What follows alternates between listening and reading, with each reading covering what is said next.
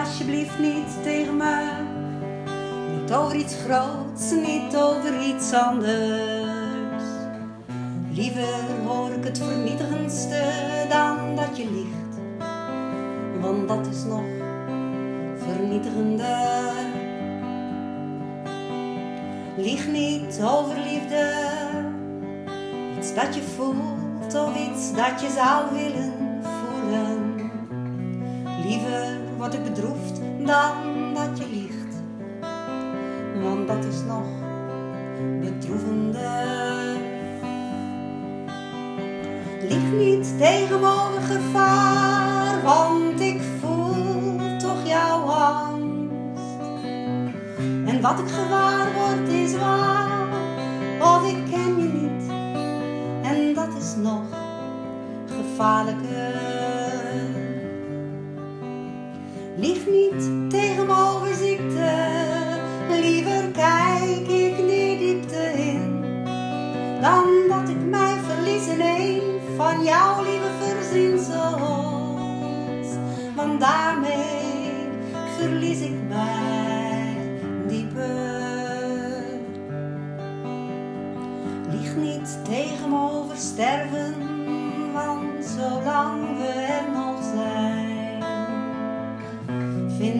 dat toegangsloze niet mededelen wat je denkt erger. Zoveel doden, erger en zoveel doden.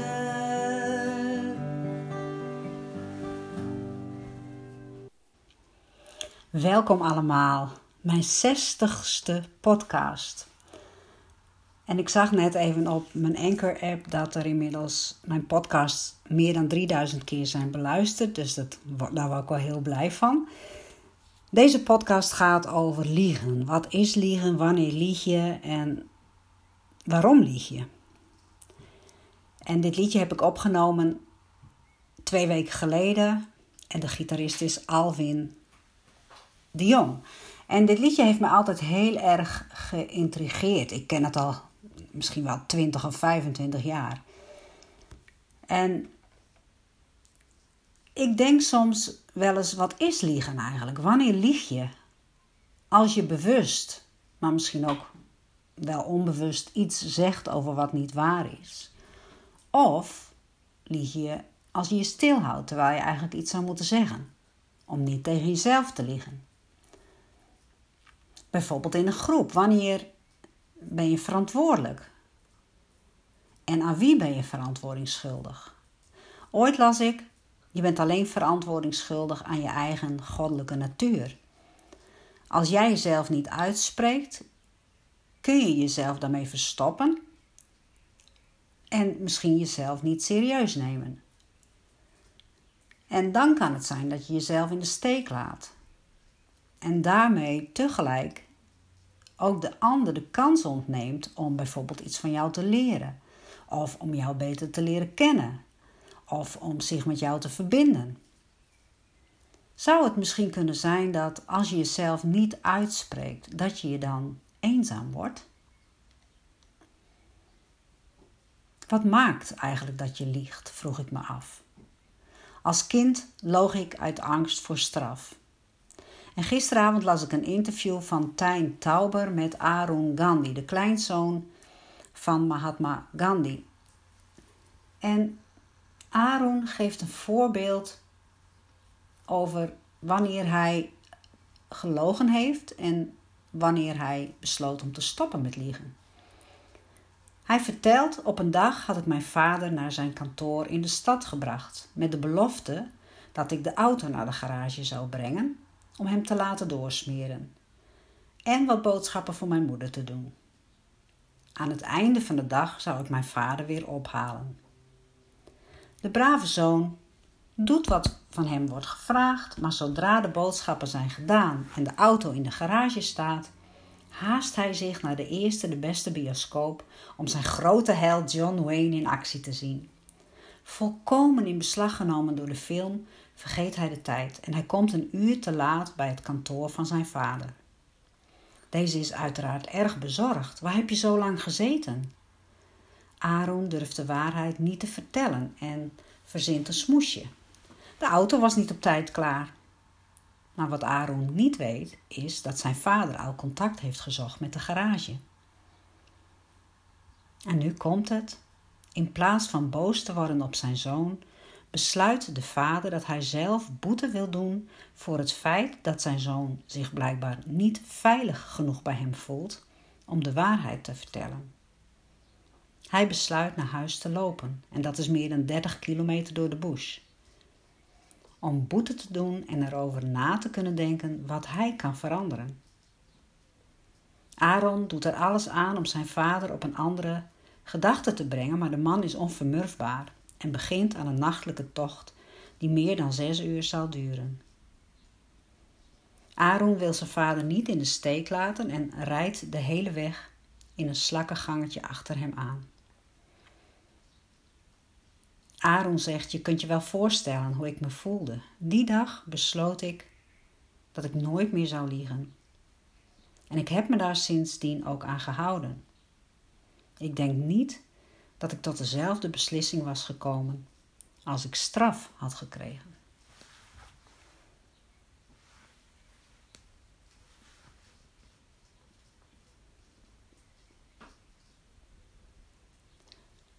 Redenen om te liegen kunnen dus zijn dat je bang bent voor straf.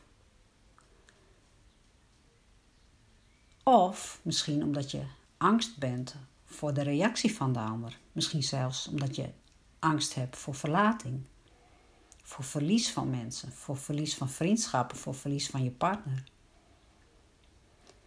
Als je jezelf niet uitspreekt omdat je je angst hebt, omdat je angst hebt om de ander verdrietig te maken en niet weet hoe je daar dan weer mee om moet gaan, of omdat je angst hebt voor afwijzing, dan vind je dus wat een ander vindt belangrijker dan je eigen integriteit. Is het goed om een ander te sparen ten koste van jezelf? Ik denk van niet. En ik leer hier zelf ook weer van dat ik deze woorden uitspreek. En als ik persoonlijk pijn voel, omdat een ander iets doet of zegt tegen mij, weet ik dat er nog iets in mij heling nodig heeft. Want anders had ik de woorden van die ander niet zo binnen laten komen. Een ander kan mij geen pijn doen zonder mijn eigen toestemming. Ik heb twintig jaar gezwegen over iets dat in mijn meisjestijd gebeurd is. En de vraag is: heb ik daarmee gelogen? Als je iets dieper kijkt, kun je je afvragen wat er de reden van is dat ik het niet verteld heb. Welke gevoelens er waren en welke behoeften. Bij mij was er schaamte en pijn en verwarring en onzekerheid. En ik had een behoefte aan emotionele veiligheid. Kennelijk was er niemand in mijn omgeving aan wie ik dit durfde toevertrouwen. En ik wilde mijn ouders ook geen pijn doen. En ja, hen beschermen tegen mijn waarheid. En toen ik mijn boek wilde uitgeven vorig jaar, wilde ik wel die waarheid spreken, want anders zou mijn boek niet waar zijn. Maar ik kon het niet en ik heb het jaren in de kast laten liggen. Totdat er een paar mensen op mijn pad kwamen die mij gestimuleerd hebben het wel te doen. In de eerste plaats was dat Simone Levy, die met haar boek Start Before You're Ready op de markt kwam. En tijdens events van haar heb ik ontdekt dat het uitspreken van je eigen verhaal, ook al ben je daar misschien nog steeds, heb je daar schaamte over, dat dat alleen maar zorgt voor meer verbinding met jezelf vooral, maar ook met de ander. Dus dat was de eerste persoon die op mijn pad kwam. En toen ik dit uitsprak naar iemand anders, Arnoud van der Kolk, zei hij: Nou, ik wil wel een gesprek met jou hebben. Misschien helpt dat jou om uh, het boek alsnog uit te geven, om in ieder geval helder te krijgen wat je tegenhoudt. En Arnoud van der Kolk kun je vinden onder De Idealist. En je kunt gesprekken met hem hebben.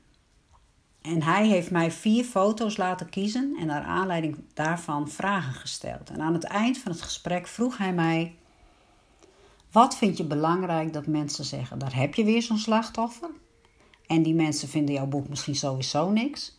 Of vind je het belangrijker dat jouw boek onderdeel kan zijn van het herstelproces van heel veel mensen en kinderen?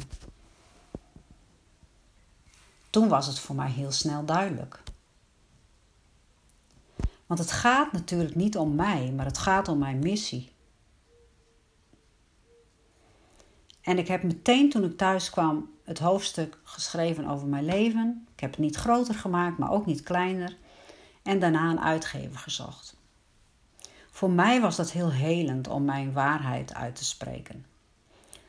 En het is voor mij heel helend als ik mezelf uitspreek zonder angst voor wat de ander vindt. Ik heb dat ook geleerd van de geweldloze communicatie. Hoe meer je jezelf gaat uitspreken, hoe vrijer je wordt. Ik noem dus deze manier van communiceren ook wel vrij communiceren. Hoe meer ontspanning je zult ervaren en ook hoe meer je jezelf erkent en ook hoe meer je de juiste mensen aantrekt. Want mensen die het allemaal niks vinden, die komen ook niet bij jou. En dus kost dat jou ook geen energie. Dus hoe meer jij jezelf gaat uitspreken, hoe serieuzer je jezelf neemt. En hoe vrijer en blijer je wordt eigenlijk.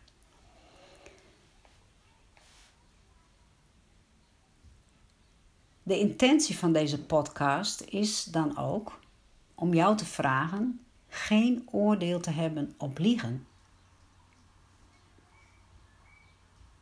Ook niet en zeker niet als je zelf liegt of gelogen hebt, maar om in gesprek te gaan met de gevoelens die jou tegenhouden om de waarheid te spreken. En bij andere mensen kun je luisteren zonder oordeel naar wat hen tegenhoudt om hun waarheid te spreken. En ik denk dat het in de meeste gevallen te maken heeft met angst. Angst voor wat de ander vindt, angst voor afwijzing, angst voor verlies, angst dat zijn of haar hele wereld instort.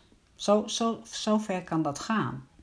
Dus heb empathie voor jezelf, omdat je misschien niet weet wie je kunt vertrouwen.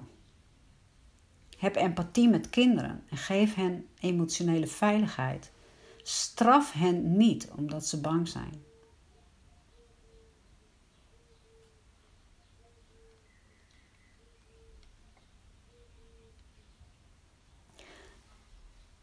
Ben jij ervan overtuigd dat jij bijdraagt aan het grote geheel als jij jouw unieke stem laat horen? Of denk je, wie ben ik om mijn stem te laten horen? Wat voeg ik toe aan het grote geheel? Blijf je misschien aanhikken tegen iets wat gezegd wil worden, maar blijf je maar excuses verzinnen? Lijkt het alsof je erin verstrikt zit? Kom dan naar mijn workshop van volgende nee, aanstaande zaterdag 5 juni. Deze workshop gaat over het leren stappen zetten en de rol van de geweldloze communicatie. En dat kan stappen zetten zijn op ieder gebied van jouw leven op dit moment. Als je jezelf dat gunt en als je er zin in hebt om te komen, meld je dan even aan via mijn contactformulier. Het liefst voor aanstaande donderdag, zodat ik ook weet waar ik aan toe ben. En verder hoop ik dat je iets hebt gehad aan deze podcast. En tot de volgende podcast. Doeg!